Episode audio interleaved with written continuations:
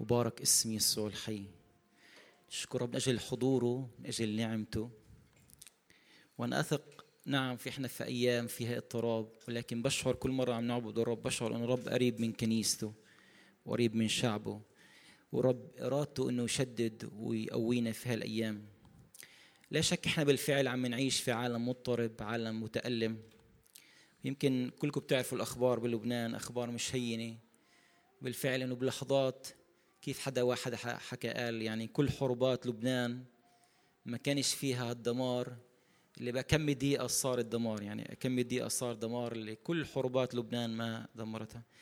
فإحنا علينا بالفعل ككنيسة أيضا نصلي من أجل إخوتنا غاد. رب يكون معهن ورب يقويهن ورب يحفظنا ورب يحفظنا. آه، وكيف أنا أعلنت بال بجروب الكنيسة المجمع الإنجيلي هون بإسرائيل عم بجمع تقديمات إذا كان لإخوة غزة وللبنان لأن الوضع غدا أصعب بيكون. فعلى قلبه يقدم تقدمة يخبرني لأنه الجمعة الجاية رح أوصل هنا وأعطيهن آه، تقدم من إخوة الكنيسة. وصلاة بالفعل نعطي من كل القلب لأنه رب علمنا أنه ننظر للمسكين والمحتاج والمتألم. وأنا بآمن أنه كتاب مقدس بيقول حتى كأس ماء بارد لا يضيع أشره فرب يعطينا أحشاء لهذه البلاد وأحشاء للنفوس للضررات وأحشاء للناس اللي بالفعل فقدت كل شيء بلحظات صغيرة مبارك اسم يسوع الحي. آه، إحنا عم ندرس آه، سفر الرؤيا ولكن أنا اؤمن بكل قلبي هدف سفر الرؤيا إنه يحذرنا وخلينا مستعدين. لذلك اليوم الرب يسوع رح يجي. بقول الكتاب المقدس إنه رح يجي الرب وكل عين رح تشوفه وكل عين رح تنظره. فأنا بؤمن إنه هدف سفر الرؤيا يحضرنا لهذا اللقاء. إذا كنا جينا معاه ولا كنا هون على الأرض نكون حاضرين مستعدين لهذا اللقاء مستعدين في حياتنا في سلوكنا في أمورنا.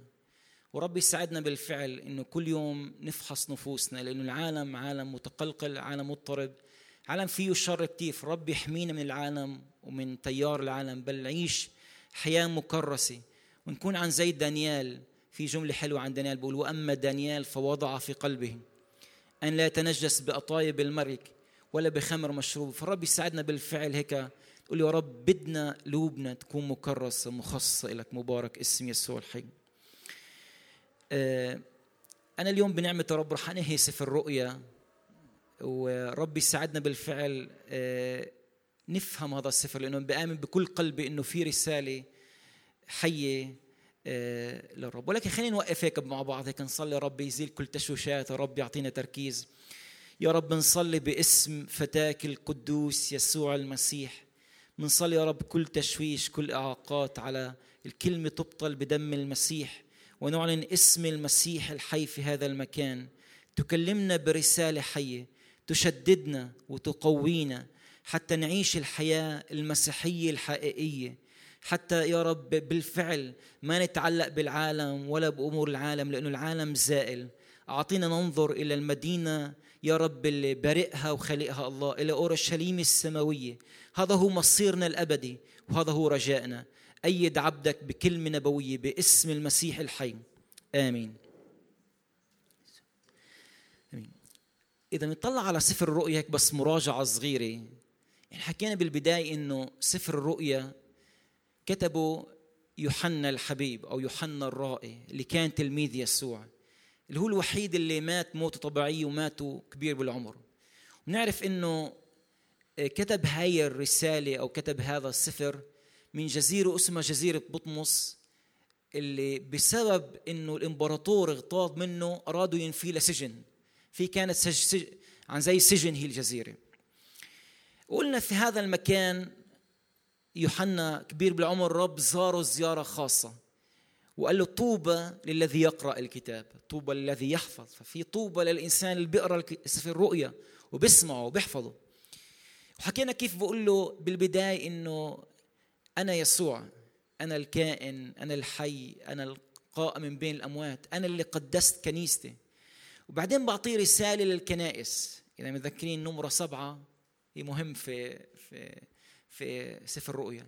وحكينا إنه سفر الرؤيا هو سفر بسموه سفر رأوي أو سفر أبوكاليبتي فيه كتير رموز. والرموز هي مش مقصود شيء حرفي مقصود بالفعل إنه الرب عم بيكلمنا من خلال رسالة. فبعطيه رسائل للسبع كنائس. حكينا عن كنيستين حكينا عن كنيسة أفسس ومتذكرين أذكر محبتك الأولى. وحكينا عن كنيسة فيلادلفيا الرب عم بشجعه إنه يكون أمين للنهاية. بعدين حكينا إنه كيف الرب أخذ يوحنا مع الكنيسة وكأنه بظروف في كنيسة متألمة أخذه للسماء في السماء غاد بشوف العرش الإلهي عرش عظيم. بشوف بالفعل الله اللي جالس على العرش وبوصفه بحجارة كريمة. ما بوصفه بكلمات شخصية ولكن بوصفه بشيء قد كريم. وبقول حوله ال 24 شيخ وحوله جنود السماء عم تسجد له وحوله أيضا آه، آه، هالة من قوس قزح. وبعدين وكأنه الرب عم بفرجي له يوحنا إنه صاحب الأرض في ألم في أمور معينة ولكن الله هو اللي جالس على العرش. وهذا مهم ندركه كل يوم بحياتنا إنه الله اللي جالس على العرش. الله المتحكم في ظروف حياتك. أنت مش متروك الله هو اللي عارف كل أمور حياتك. بقول الكتاب المقدس هو عارف أيام ميلادنا وأيام أجالنا. فالله هو المتحكم. أوعك تفكر إنه إنسان متحكم فيك. في رب فوق هو المتحكم بكل الظروف. ويوحنا شاف إنه بالفعل الله هو المسيطر. الله عارف في كل الأمور. والله هو اللي عم بيصنع وعم بيعمل التاريخ من أجل مجده. وأيضا شفنا بس طلع يوحنا على السماء شفنا الحمل اللي بيسميه الأسد الخارج من سبط يهوذا اللي بيفتح السفر. هذا السفر اللي فيه كل مواعيد الله. بقول من هو مستحق إنه يفتح هذا السفر لأنه يوحنا بده يبكي. مين بيقدر يفتح يفتح هذا السفر فليقول الملاك الأسد اللي خارج من سبط يهوذا هو مستحق إنه. ونشوف الملائكة أيضا تسجد له. وبنعرف إنه بس الرب يسوع بده يفتح السفر نبدا شيء اسمه اللي حكينا عنه المرات الماضية الضيقة العظيمة. هاي ضيقه عظيمه رح تيجي على الأرض فيها ألم فيها زلازل فيها موت فيها أمور صعبة جدا جدا ضيقة عظيمة. كل شيء بيصير بالسماء عم بينزل على الأرض. وحكينا إنه في وسط الضيقة العظيمة رح تستمر سبع سنين. رح الشيطان يعني يستشرس بكل قوته حتى يدمر خليقة الله وحتى يدمر إذا في إمكانية للمختارين حتى. وقلنا رح يظهر شخصيتين غير الشيطان اللي هو كيان روحي رح قلنا الوحش الخارج من البحر والوحش الخارج من الأرض. قلنا الوحش الخارج من البحر هو ضد المسيح. هو شخص هدفه ويكنه ينصب نفسه كإله والناس تعبده. قلنا شخص آخر اللي هو آه، النبي الكذاب هو اللي بيجي بيبدأ يعلن إعلانات شريرة. هدفه إنه الناس كلها تسجد للنبي ضد المسيح. وكيف حكينا إنه بصير في نظام اقتصادي جديد ونظام سياسي جديد. ولكن لا شك إنه وقت الضيقة هو وقت صعب جدا جدا جدا. وكثير مفسرين بيقول الكنيسه رح تكون بالسماء مش رح الرب يسمح في الضيقة. ولكن حتى لو الرب سمح في ضيقة للمؤمنين رب رح يحفظهن. كيف رب حفظ شعبه في وقت فرعون؟ رب بقول كان يميز الشعب الإسرائيلي أو شعب الرب عن الشعب المصري. واليوم بنعمة الرب رح نكمل ورح نكمل اليوم في رؤيا الصح 9 19 طبعا أنا بس أعلم هذا السفر ما بدخل بتفاصيل صغيرة لأنه التفاصيل كتير كبيرة ولكن بحاول أعطيكم هيك عن زي إشي عن زي رؤوس أقلام من السفر حتى تفهموا. واليوم رح نقرأ بنعمة الرب آه، من رؤيا 19 ونروح نحكي عن خمس أمور اليوم بنعمة الرب. كل أمر رح نحكي عنه بشكل بسيط. رح نحكي إنه كيف بعد الضيقه العظيمه رح يجي يسوع. هذا بسميه يوم الرب العظيم. هذا اللي كل كل ما الناس رح يشوفوا إنه بالفعل إنه رب المجد جاي ويسوع جاي. هذا بسميه يوم الرب. رح نشوف كيف يسوع بيجي وبقاتل ضد المسيح والنبي الكذاب وبنتصر عليهن. وبعد ما ينتصر عليهن تبدأ مرحلة اسمها الحكم الألفي. الحكم الألفي هو إنه الرب رح يملك على الأرض ألف سنة. والكنيسة واولاده رح يحكموا معه. كيف التفاصيل ما نعرفش ولكن الكتاب المقدس واضح إنه يسوع رح يحكم ألف سنة. بالألف سنة الشيطان راح يقيد. الشيطان راح يقيد لمدة ألف سنة. وبهذا الألف سنة راح يكون في سلام وراحة وبركة ورب راح يعطي سلطان لأولاد الرب. لأنه الرب بعطي سلطان لكنيسته ورح نحكي عنها أكثر وأكثر فأول أمر حكينا إنه الرب راح يجي ينهي ضد المسيح والنبي الكذاب ورب راح يجي يعلن ملكه اللي هو ملكوت يسوع الألف سنة على الأرض. بعدين رح ننتقل لمرحلة بسموها بسميها الكتاب المقدس دينونة الشيطان. إجا وقت الرب يدين الشيطان فالشيطان بعد الألف سنة يفك وبقيم حرب على المسيح اللي بسموها إذا سمعتوا عنها حرب جوج ومجوج. جوج ومجوج إيش؟ هاي حرب الشيطان راح يقيمها على المسيح. طبعا إحنا بنحكي بتفاصيل يعني هون بحكي فرس وراس ولكن في حرب روحية أعظم من فرس وراس. ولكن الشيطان راح بنعمة الرب لأنه الرب أعظم راح ينتصر وراح يوضع الشيطان في البحيرة المتقدة بنار وكبريت بعدين بخبرنا في المرحلة آه، الثالثة راح يسميها قيامة الأشرار اللي ماتوا بدون المسيح. راح يقوموا قدام كرسي الله اللي بسموه العرش الأبيض. وراح الله يوقفهن وراح هون يوقفوا قدام المسيح قدام الرب حتى الرب يدينهن. وآخر شيء رح نتكلم عليه هو نزول أورشليم الجديدة اللي هي السماء الجديدة والأرض الجديدة. إنه الله راح يعمل كل شيء جديد لأنه الله بالبداية خلق الأرض هدفه كان أرض جديدة ولكن الشيطان وبسبب دخول الخطيه دمرها هدفه الرب يخلق سماء جديدة وأرض جديدة اللي هي أورشليم الجديدة. اللي الكتاب المقدس بقول بقول ما أجمل وما أعظم هاي المدينة. ورب رح يرعانا غاد. ولا وجع ولا ألم ورب رح يمسح كل دمعة مبارك اسم يسوع الحي. وهذا رجاء كل مؤمن إنه يوم من الأيام رح يكون في جسده الممجد في اورشليم الجديده إلى أبد الآبدين. مبارك اسم يسوع. خلينا نقرأ بعض الأعداد من رؤيا 19 رح أقرأ من عدد 11 لعدد 21 وقفوا هيك شوي عشان افيقكم قدام محضر الرب أيضا وكلمة الرب. رح أقرأ بعض الأعداد من عدد 11 ل 21 من رؤيا 19 ثم رأيت السماء مفتوحة وإذا فرس أبيض والجالس عليه يدعى أمينا وصادقا وبالعدل يحكم ويحارب.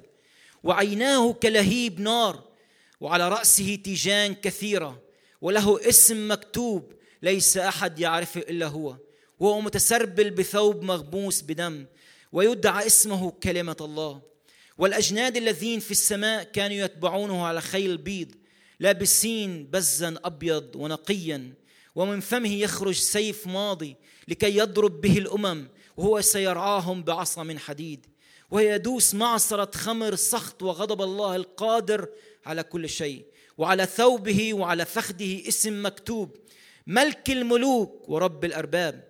ورأيت ملاكا واحدا واقفا في الشمس فصرخ بصوت عظيم قائلا لجميع الطيور الطائرة في وسط السماء هلم اجتمعي إلى عشاء الإله العظيم لكي تأكل لحوم ملوك ولحود قواد ولحوم أقوياء ولحوم خيل والجالسين عليها ولحوم الكل حرا وعبدا صغيرا وكبيرا. ورأيت الوحش وضد المسيح وملوك الأرض وأجنادهم مجتمعين ليصنعوا حربا مع الجالس على الفرس ومع جنده فقبض على الوحش والنبي كذاب معه الصانع قدامه الآيات التي به التي بها أضل الذين قبلوا سمة الوحش والذين سجدوا لصورته. وطرح الاثنان حيين إلى بحيرة النار المتقدة بالكبريت والباقون قتلوا بسيف الجالس على الفرس الخارج منه وجميع الطيور شبعت شبعت من لحومهن. آمين. تفضلوا بالجلوس. آمين. لأن بعد الضيقه العظيمه اللي هي رح تكون ضيقة جدا صعبة على الأرض اللي فيها أمور رح تتزلزل تتزلزل وحتى جند السماء رح تزلزل وموت كثير ودماء كثيرة. رب رح يجي رب رح يجي حتى ينتصر حتى ينتصر على هذول الشخصين اللي هن ضد المسيح والنبي الكذاب. وإذا سمعتوا بمعركة بسموها يمكن إذا واحد بيعرف اسموها معركة هارمجدون أو عامك إسرائيل. طبعا الأمور هاي كلها رمزية إنه هون فرس إشي. ولكن في معركة اللي هي قبل المعركة الأخيرة الرب يسوع راح يقيمها ضد المسيح وضد النبي الكذاب. وهذا اليوم يسميه الكتاب المقدس يوم الرب العظيم يوم الرب العظيم المهوب. وفي هذا الوقت الرب رح ينتصر رح ينتصر على النبي الكذاب وضد المسيح. ورح يضعهن وين؟ رح يضعهن في البحيرة المتقدة بالنار أبدية. فعندنا هنا ثلاث شخصيات اللي هن الشريرة اللي هن التنين الحية اللي رح يجي وقته ولكن هون ضد المسيح هو شخص إنساني والنبي الكذاب الرب رح يقاتلهن ورح ينصر ينتصر عليهن ويضعهن في البحيرة المتقدة في نار. هذا الكتاب المقدس بسميه يوم الرب العظيم أو يوم الرب المهوب. إذا بنفتح لوقا 21 بس أقرأ لكم بعض الأعداد. لوقا 21 يسوع بيحكي عن هاي الكلمات بيحكي عن مجيئه. وكيف إنه في هذا اليوم الناس كلها رح تشوفه. وهذا يوم بالفعل يوم دينوني على الأرض رح يكون. إحنا يوم الأيام إذا كنا مع الرب الرب رح جاي حتى يدين الأرض بدينونة عظيمة. في لوقا 21 نقرأ بعض الأعداد أقرأ لكم إياها. 21 25 اسمعوا إيش بقول. بقول وتكون علامات في الشمس والقمر والنجوم وعلى الأرض كرب. أمم بحيرة البحر والأمواج تضج. والناس يغشى عليهم من خوف وانتظار ما يأتي على المسكونة لأن قوات السماوات تتزعزع. وحينئذ يبصرون ابن الإنسان اتيا في سحابة بقوة ومجد كثير. ومتى ابتدأت هذه تكون فانتصبوا. وارفعوا رؤوسكم لأن نجاتكم تقترب. مبارك اسم يسوع الحي. وفي متى بقول أيضا في متى 24 اقرا لكم بعض الأعداد بيحكي عن يوم الرب القديم. هذا الرب يحيجي حتى يدين الشر. متى 24 29 بقول هاي الكلمات. والوقت بعد ضيق تلك الأيام بعد الضيقة تظلم الشمس والقمر. لا يعطي ضوءه والنجوم تسقط من السماء وقوات السماوات تتزعزع. حينئذ تظهر علامة ابن الإنسان في السماء وحينئذ تنوح جميع قبائل الأرض ويبصرون ابن الإنسان اتيا على السحاب السماء بقوة ومجد. فيرسل ملائكته ببوق عظيم صوت فيجمعون مختاريه من الأربعة رياح من أقصاء السماوات إلى أقصاها. بعدين بقول الرب فمن شجرة التين تعلم المثل متى صار غصنها رخصا وأخرجت أوراقها تعلمون أن الصيف قريب. هكذا أنتم أيضا متى رأيتم هذا كله فاعلموا أنه قريب على الأواب. الحق أقول لكم لا يمضي هذا الجيل حتى يكون هذا كله. السماء والأرض تزولان ولكن كلامي لا يزول. فهذا وقت رجوع للرب وقت دينونة للأرض رح يكون وقت صعب جدا جدا. رب رح يرجع ورب رح يقيم الحرب على الوحش ضد المسيح وعلى النبي الكذاب ويلقيهن. مبارك اسم يسوع الحي. مرات بنقول وين يا رب؟ تعرف بقول الاحداث اللي بتصير في العالم هيك بلحظات ممكن تتغير العالم كله بتغير بلحظات. وأنا بقول لكم العالم بلحظات رح يتغير بلحظات رح يتغير بأمور صغيرة رح يتغير ورب رح يجي. وهذا رجاء كل مؤمن. إنه يا يكون معاه جاي مع المسيح يا ينتظره يوم الأيام. ورح تنوح عليه قبائل الأرض. رح تنوح ليش؟ لأنه ما قبلوش. ما قبلوش الرب السيد. رفضوه. رب رح يجي هاي المرة مش كحمل وديع. رح يجي كديان عظيم كملك قدير على الأرض. من يقف أمام عظمة الرب؟ من يقف أمام يوم الرب العظيم؟ يوم راح يكون رهيب عظيم. الآن في هذا الوقت في بعد الضيقه العظيمه كما قلت الرب راح يجي وراح ينتصر. وبقولنا سفر الرؤيا بعد ما إنه الرب ينتصر راح يقيم ملكه الأرض هنا ملكوته على الأرض ملكوت الألف سنة. وراح يقيم مملكته في مدينة أورشليم وراح يملك من أورشليم وكنيسته راح تملك معاه. هذا وقت فرح وقت سلام وقت حتى أشعياء بيقول الحمل والأسد راح يلعبوا مع بعض. ليش؟ لأنه ما راح يكون فيش حروب لأنه الشيطان راح بهذا الألف سنة راح يكون مربوط. ولكن أيضا في هاي الفترة كمؤمنين رح نقوم قيامة جسدية جديدة رح نقوم بأجساد سماوية جديدة. وفي هالفتره رح نوقف قدام كرسي المسيح كأولاد الرب. ليس للدينونة ولكن للمحاسبه لأنه الدينونه رح تيجي على الناس اللي ما قبلوش المسيح. ولكن بالنسبة لأولاد الرب رح نوقف قدام دينونة للمحاسبة. في محاسبة قدام الرب. الآن المحاسبة هاي مش عشان إنه الرب يدخلنا جهنم لا. هاي المحاسبة في مكافآت سماوية. وكأنه في مؤمنين اجتهدوا مع الرب عاشوا بأمانة مع الرب في مكافآت سماوية.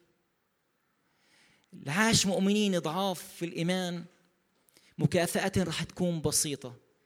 اسمع هاي الآيات اللي بقولها بولس. بقول له بقول لأنه لا بد أننا جميعا نظهر أمام كرسي المسيح. وهي كلمات قوية. إنه كلنا كمؤمنين رح نوقف قدام المحاسبة. ليس للدينونة ولكن للمحاسبة. حتى الرب يعطينا أجرتنا. تعرف عن زي عندك شغيل أو صنايعي أو حب يشتغل عندك بآخر اليوم بتحاسبه. فنفس الشيء ربنا في مجيئه الثاني راح يوقفنا حتى يحاسبنا على عملنا. فبقول لأنه لابد جميعا نظهر أمام كرسي المسيح. لينال كل واحد ما عمل بالجسد. يعني إيش عملنا بالجسد الفاني؟ رح ننال عليه كنا عملنا خير أم شر؟ وهذا أمر مش مش مش هين الرب يساعدنا. ندرك إنه حياتنا على الأرض في عنا إحنا مسؤوليات في عنا أمور. فالإنسان المؤمن بالفعل عاش بأمانة له أكاليل عظيمة. عشان هيك الكتاب المقدس بيحكي عن التيجان. كثير مؤمنين عم بحطوا التيجان قدام الرب لإنه إيش؟ جاهدوا لجهاد الموضوع امانه عاشوا بقداسة عاشوا بأمانة عاشوا بطاعة كملوا مشوار مع الرب قالوا يا رب بدنا نعيش لإلك. لكم أخرى آية بالفعل قوية. بولس بيحكي هالكلمات. في كورنثوس الأولى إصحاح ثلاثة بقول بيحكي عن هذا اليوم. رح نوقف قدام كرسي المسيح حتى نتحاسب. اسمع هالكلمات القوية. بالفعل أنا بس قريت بقول يا رب بالفعل يا رب غيرني يا رب جددني يا رب أعطيني أكون مستعد لهذا اليوم. أكون مستعد للقائك. اسمع هالكلمات. في كورنثوس الأولى إصحاح ثلاثة اسمع هالكلمات. بيحكي عن هذا اليوم. بقول هيك فعمل كل واحد سيصير ظاهرا لأن اليوم سيبينه لأنه بنار يستعلن وستمتحن النار عمل كل واحد ما هو. إن بقي عمل أحد قد بناه عليه فسيأخذ أجرة. إن احترق عمل أحد فسيخسر وأما هو فيخلص ولكن كما بنار. بيحكي هون بقول إنه في أعمال المؤمنين رح يقدموها للرب. رب رح وكأنه رح يفحصها بالنار. هل الدوافع نقية؟ هل الدوافع كانت من قلب صادق؟ رب رح يفحصها وبيحكي بولس هون إنه في ناس بنوا قش خشب. النار بس تيجي عليهن رح تحرقهن. ولكن في ناس مؤمنين اجتهدوا مع الرب وعملوا بنوا ذهب بنوا حجارة كريمة. وقتها النار رح تمتحن كل شيء والنار رح تقول بالفعل إذا عملك مستحق. وهذا أمر بالفعل. رب عم بيقول لنا هالشغلات بقول لنا يا رب ساعدني أعملك عملك بنقاوه بأمانة يا رب. ما يكون في عندي دوافع غير نقية. يا رب بدي أطيعك بدي أعمل إلك يا رب. فملك المسيح الرب راح يمتحن أيضا كنيسته وراح يحاسب كنيسته. ليس للدينونة ولكن للمكافأة. مين يقول يا رب أنا بدي أكمل المشوار معك يا رب؟ أنا بدي أكون أمين معك ما بدي أوصل هذا اليوم وسلالي فارغة. بقول لي رب وين سلالك؟ ما عملتش. تعرف الرب بيحكي كتير أمور عن الوزنات إنه يوم الأيام السيد رح يجي يحاسب كل واحد على وزناته. مبارك اسم المسيح الحي. لذلك الرب علمنا إنه في هاي الحياة إنه نجتهد إنه نجاهد الجهاد الموضوع أمامنا. إنه في مجازاة عظيمة. ركزوا معي يا جماعة فركزوا معي. في مجازاة عظيمة. في مجازاة عظيمة لكل مؤمن. اسمع هالكلمات. بقول ها أنا آتي سريعا بقول الرب وأجرتي معي. إيش يعني أجرتي معي؟ قولوا فهموني إيش يعني أجرتي معي؟ يعني كل مؤمن بالفعل عاش بأمانة رب جاي أجرته معاه. مش بقول كتاب مقدس حتى كأس ماء بارد لا يضيع أجره. فحكم الرب الألف الرب راح يبارك المؤمنين.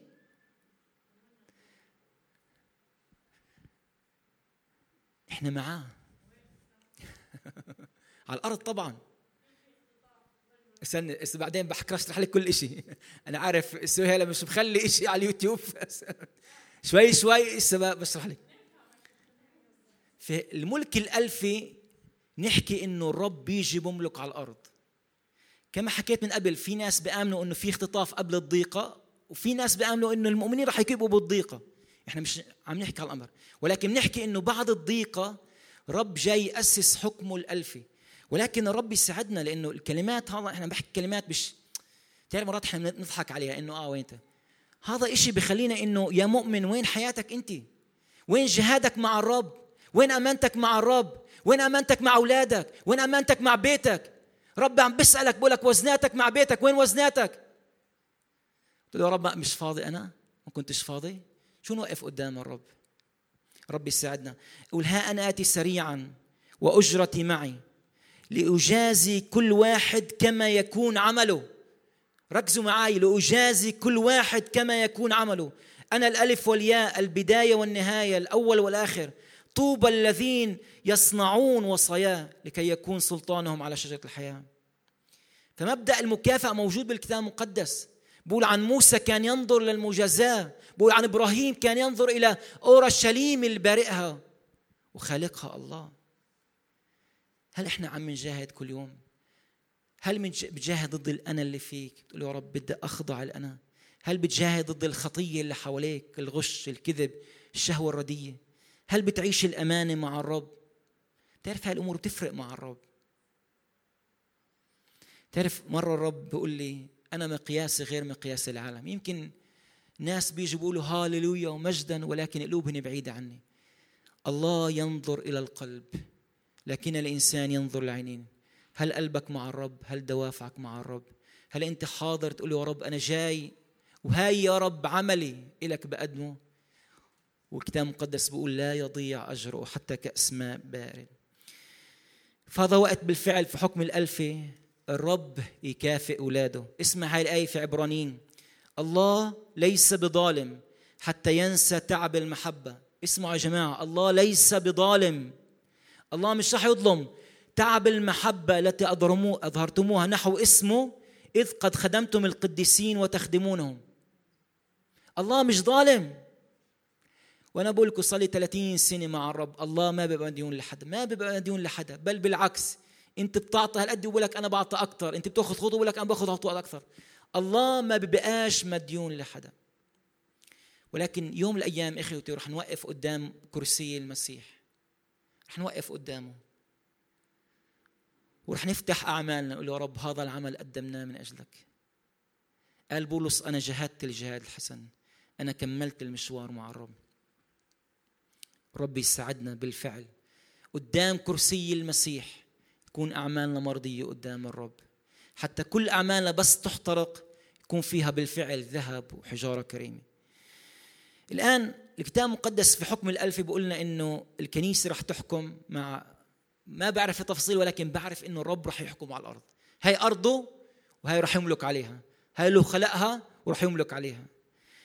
الآن في هاي الفترة الألف سنين رح الشيطان يكون مربوط. الكتاب المقدس برؤية بقول الشيطان رح يكون مربوط لمدة ألف سنة. بعد الألف سنة الشيطان رح يفك. طبعا الشيطان هو كيان روحي. وقتها بعد الألف سنة الشيطان رح يبدأ يجند قواد وأشخاص حتى يقوموا ضد المسيح ضد كنيسته. اسمع هالكلمات اللي بقولها في رؤيا آه، في رؤيا آه، عشرين سبعة. بقول ثم تمت الألف سنة يحل الشيطان من سجنه بعد الألف سنة هاي الحكم الألفي يخرج ليضل الأمم الذين في الأربع زوايا. جوج ومجوج ليجمعهم للحرب الذين عددهم مثل رمل البحر. فصعدوا على عرض الأرض وأحاطوا بعسكر القديسين وبالمدينة المحبوبة وكانوا في أورشليم. بعدين الكتاب المقدس فنزلت نار من عند الله من السماء وأكلتهم. وإبليس الذي كان يظلهم طرح في بحيرة النار والكبريت حيث الوحش والنبي الكذاب وسيعذبون نهارا وليلا إلى أبد الآبدين فبعد ملك المسيح الشيطان راح يفك وراح يعمل حرب. والشيطان كيف اليوم عم بيخدع ناس وراح يخدع ناس كثيرين ولكن الرب راح ينتصر. الرب راح ينتصر. وقت راح يكون في دينونة الشيطان الشيطان اللي خدع نفوس كثيرة راح يكون مصيره في البحيرة المتقدة نار أبدية تعرف الله بس خلق البحيرة المتقدة بنار؟ مش هدفه إنه يخلقها للإنسان خلق هدفها للأرواح الشريرة. ولكن بسبب إنه الشيطان بيخدع الإنسان والإنسان بيمشي وراه بيكون مصيره عن زي مصير الشيطان. رب يحمينا. رب يحمينا. هذا عذاب رهيب جدا. الآن بعد ملك المسيح وبعد دينونة الشيطان ننتقل لشيء اسمه؟ دينونة العرش الأبيض. هاي الدينونة إنه الناس اللي كانوا رح يقوموا اللي كانوا عايشين واللي اللي بحر بقول اللي ماتوا بالبحر ماتوا بالجبل رح يقوموا من جديد بأجساد أخرى ورح يوقفوا قدام الرب حتى يندانوا. بقول ودين الأموات ما هو ما هو مكتوب في الأصفار بحسب أعمالهم. كل واحد حسب أصفار. بتعرفوا؟ بس أنا أتأمل بهاي الأصفار بقول بهاي الكلمة.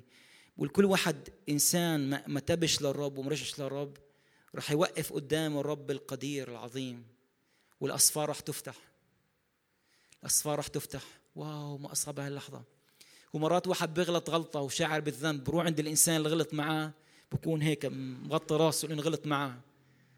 كم بالحري توقف قدام الرب الديان العادل ويفتح الأصفار. طبعا فتحان الأصفار مش للمؤمنين لغير المؤمنين. لأنه كل مؤمن آمن بالمسيح السفر اللي عليه الخطايا اللي عليه أخذها المسيح. وكأنه صار سفر المسيح سفري. والرب فتح سفر المسيح فيهوش ولا خطية وكل إنسان انسطر في المسيح فيهوش ولا خطية ولكن كل إنسان ما قبلش المسيح رح ينفتح سفر حياته. مرات نفكر إنه إحنا كل شيء بنعمله فيش حدا شايف. الله مسجل كل شيء وهاي الأمور رح تدين الإنسان رح توقف. تعرف عن زي حاكم بجيب شاهد للإنسان المشتكى عليه بقول له هذا الشاهد.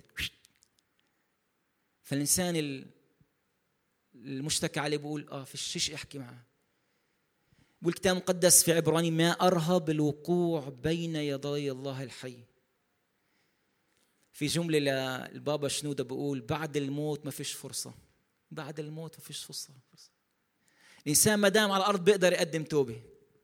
لسه على الصليب قال له اذكرني يا رب متى أتيت في ملكوتك. قال له الحق ما تكون مع الفردوس. ولكن بعد الموت يغلق الباب. بعد الموت انتهت الأمور. والإنسان راح يوقف قدام سفر حياته قدام الرب. واو. بقول ما أعظمك يا رب. كل خطاياي أنا أخذتها أنت. كل الأمور الصغيرة من وقت ولادتي ليوم ماتي أنت أخذتها. قطرة من دم يسوع أخذت كل خطاياي. وما أعظمك يا رب. وراح أوقف قدامك بار هاللويا. ليش يا رب لأنك أنت سترتني؟ لأنك أنت غسلتني يا رب بدمك الثمين. ولكن ما أصعب هذا اليوم لكل إنسان ما انسطر في دم المسيح. رح يكون يوم صعب قدامه. وقت رح يكون الدينونة. وفي جهنم في أمور صعبة. في ناس أصعب من ناس. كيف قال الرب لكرازيم؟ قال لهم يا كرازيم يا كفر نحوم. لو عملت هاي القوات في نينوى كان تابتا. عشان حتى نينوى إلها إلها مصير أفضل. ربي يساعدنا.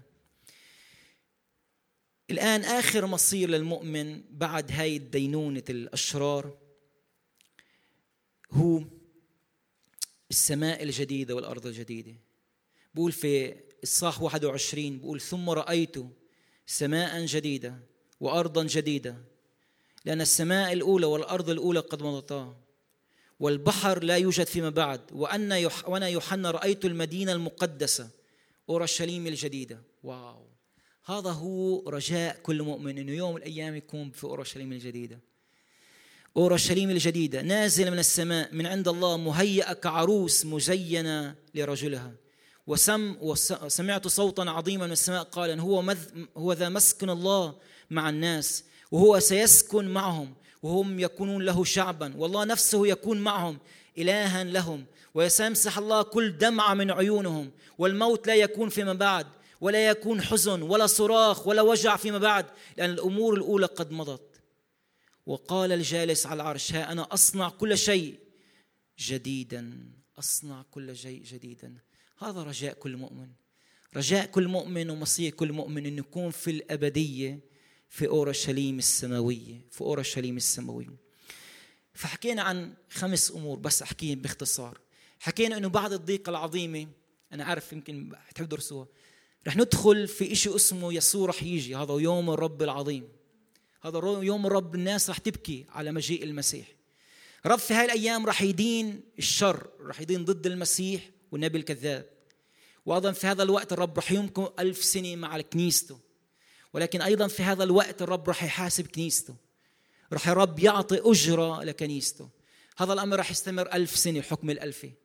بعد هذا الأمر رح ننتقل إنه الشيطان عم بشن حرب رح يفك الشيطان والشيطان يشن حرب على آه، الكنيسة وعلى المسيح ورح يهزم الشيطان في حرب اسمها جوج ومجوج وقتها رح أيضا الشيطان يوضع وين النبي الكذاب وضد المسيح في البحر المتقدم.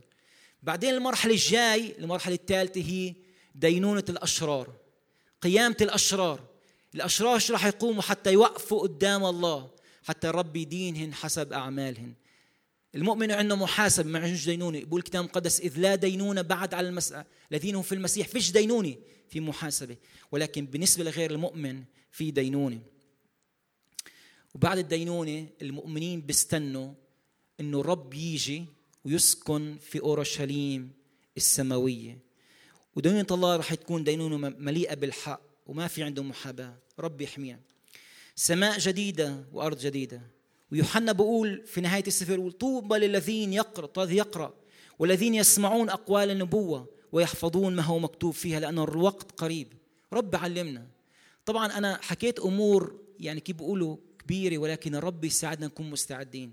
ندرك إنه مصيرنا أبدي. هدفنا أورشليم السماوية. كيف عن زي إبراهيم خرج من أرضه كان ناظر لأورشليم السماوية ولكن هذا بحطنا أيضا في مسؤولية. رب أعطانا كل واحد مسؤولية نكون أمناء. فرب يحمينا من النوم. مش مقصود إنه ما ننامش. النوم الروحي إنه يعني نكسر روحيا يعني.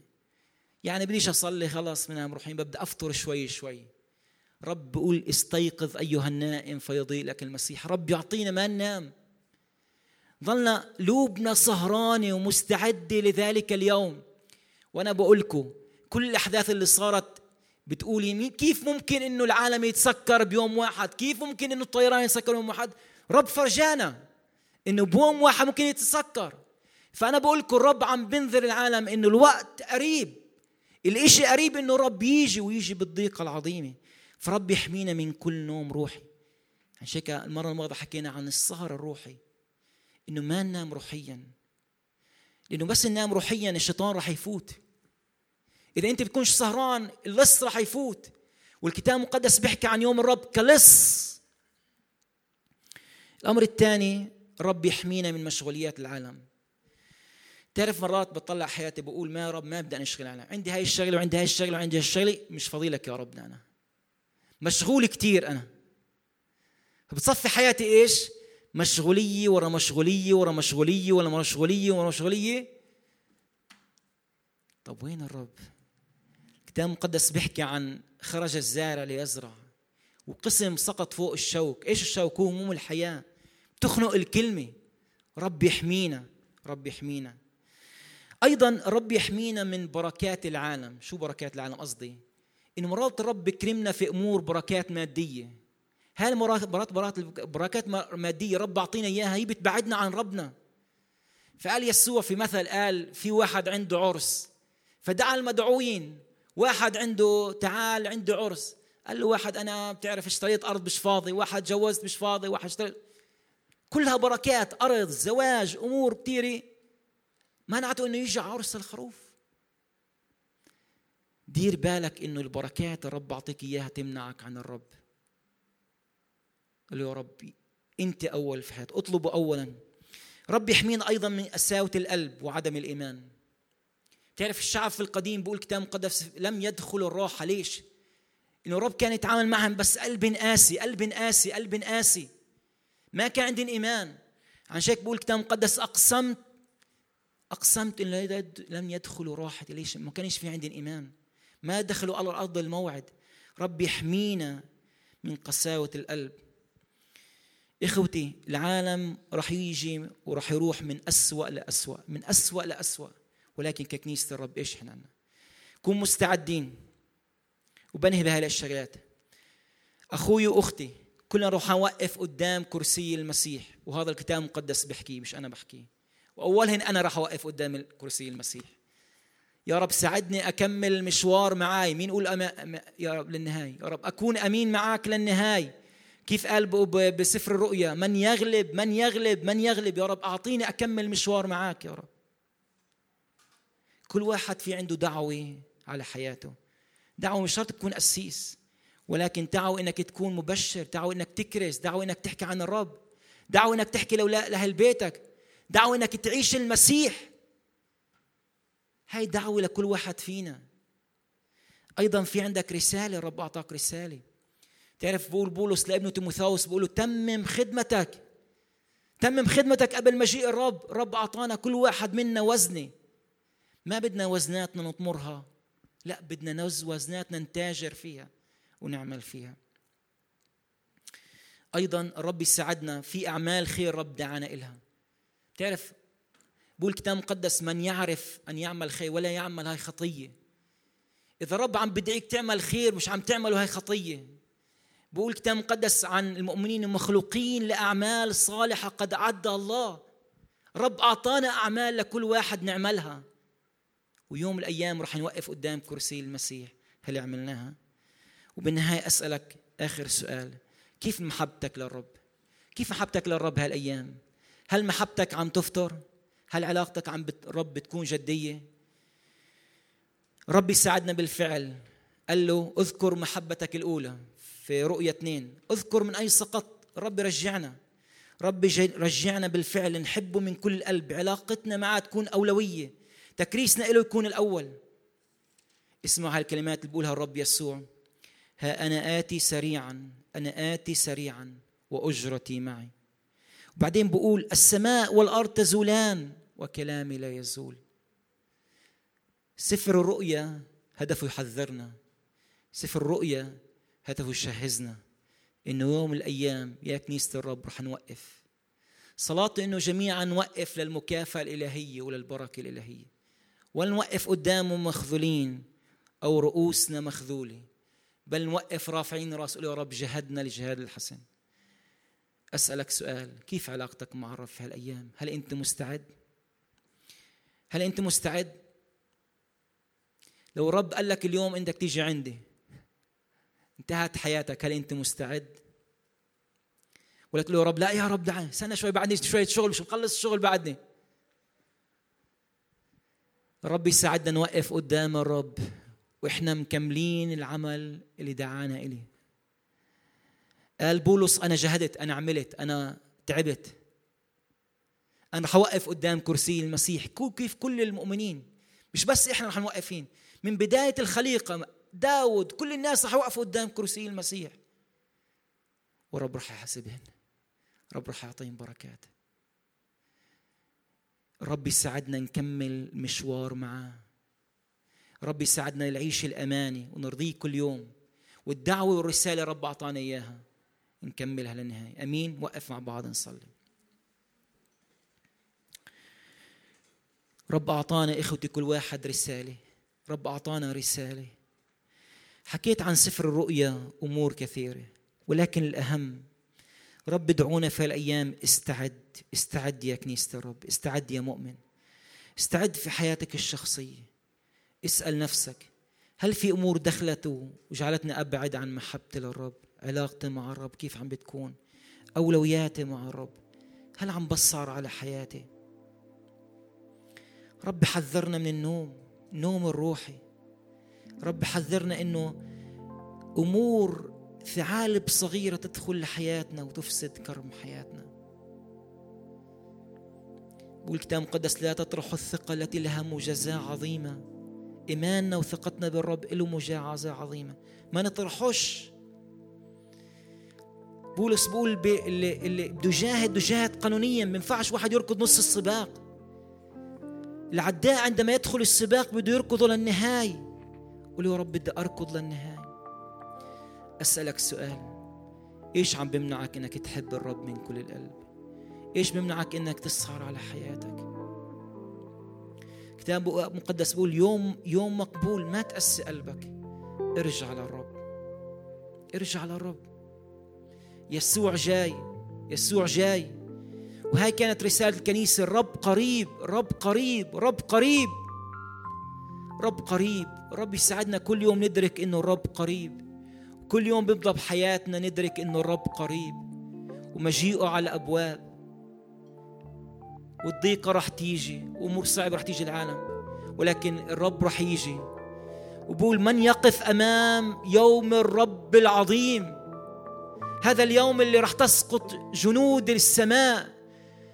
الشمس رح تعمل أمور كثيرة القمر نجوم أمور كثيرة. رب جاي. رب جاي. هل موقف ونحن منتظرين يا رب جهدنا وكملنا المشوار معك يا رب؟ قول يا رب احمينا من كل شهوة ردية احمينا من كل حسد احمينا من كل طمع احمينا من كل كسر روحي احمينا من كل فتور روحي. أعطينا بالفعل نكون جديين معاك يا رب. احمينا يا رب من كل أمور دخلت حياتنا وقلوبنا وأخذتنا يا رب.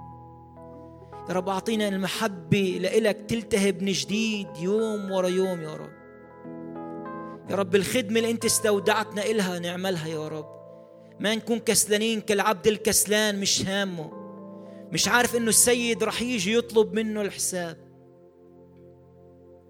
يا رب بالفعل أعطينا استعداد روحي يا رب.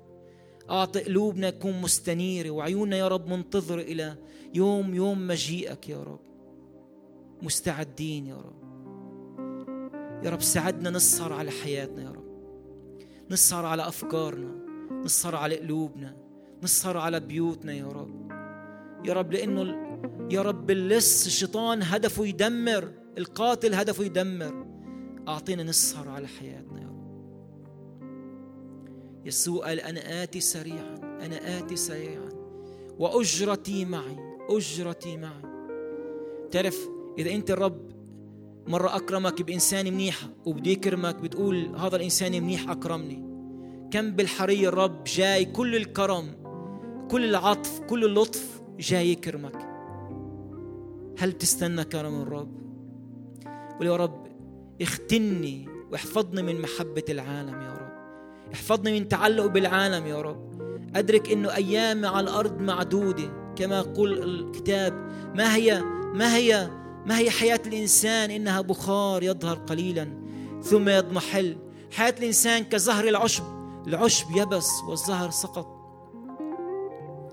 ولكن أعطينا يا رب ننظر إلى المدينة السماوية. ليس لنا هنا مدينة باقية بل ننتظر يا رب الأبدية. يا رب مكتوب إنه خفت ضيقتنا الوقتية تنشئ لنا أكثر وأكثر ثقل مجد أبدي يا رب. يا رب ننتظر إنه أشكالنا نتغير لتلك الصورة صورة يسوع. هذا الفاسد يلبس عدم فساد يا رب. هذا الخاطئ يلبس عدم خطية في مجيئك الثاني يا رب. أعطينا نكون مستعدين يا رب. مستعدين يا رب ليوم لقائك يا رب. كنيستك تكون كنيسة ساهر يا رب. كنيسة يا رب الفعل. كنيسة عارفة الكلمة. عارفة يا رب العبادة عارفة تسهر على حياتها يا رب. بصلي أيضا في هالأوقات يا رب إنك تيجي على بلادنا يا رب ترحم بلادنا يا رب. بلادنا تئن في مرض الكورونا ارحم بلادنا يا رب. ارحم عيلبون دير حنا البلاد المجاورة يا رب. احفظنا من كل فيروس يا رب. احفظنا احفظ بيوتنا احفظ أولادنا يا رب. ونصلي من أجل إخوتنا في لبنان يا رب. افتقدهم بمراحمك يا رب. افتقد يا رب الناس اللي خسرت كل شيء يا رب. بالفعل في لحظات صغيرة الإنسان يخسر كل شيء يا رب. ويا رب يا رب علمنا ندرك إنه أيامنا على الأرض معدودة يا رب. وكل ما لنا على الأرض رح يفنى رح يفنى. بلحظة في أمور صغيرة رح يفنى. ولكن أعطينا ننظر إليك يا رب ونتبعك نطيعك يوما فيوما يا رب. ننمو في نعمتك ننمو في الكلمة ننمو في القداسة يا رب. وأمر بالبركة علينا باسم المسيح الحي. آمين. آمين. خلينا ننهي بالصلاة الربانية.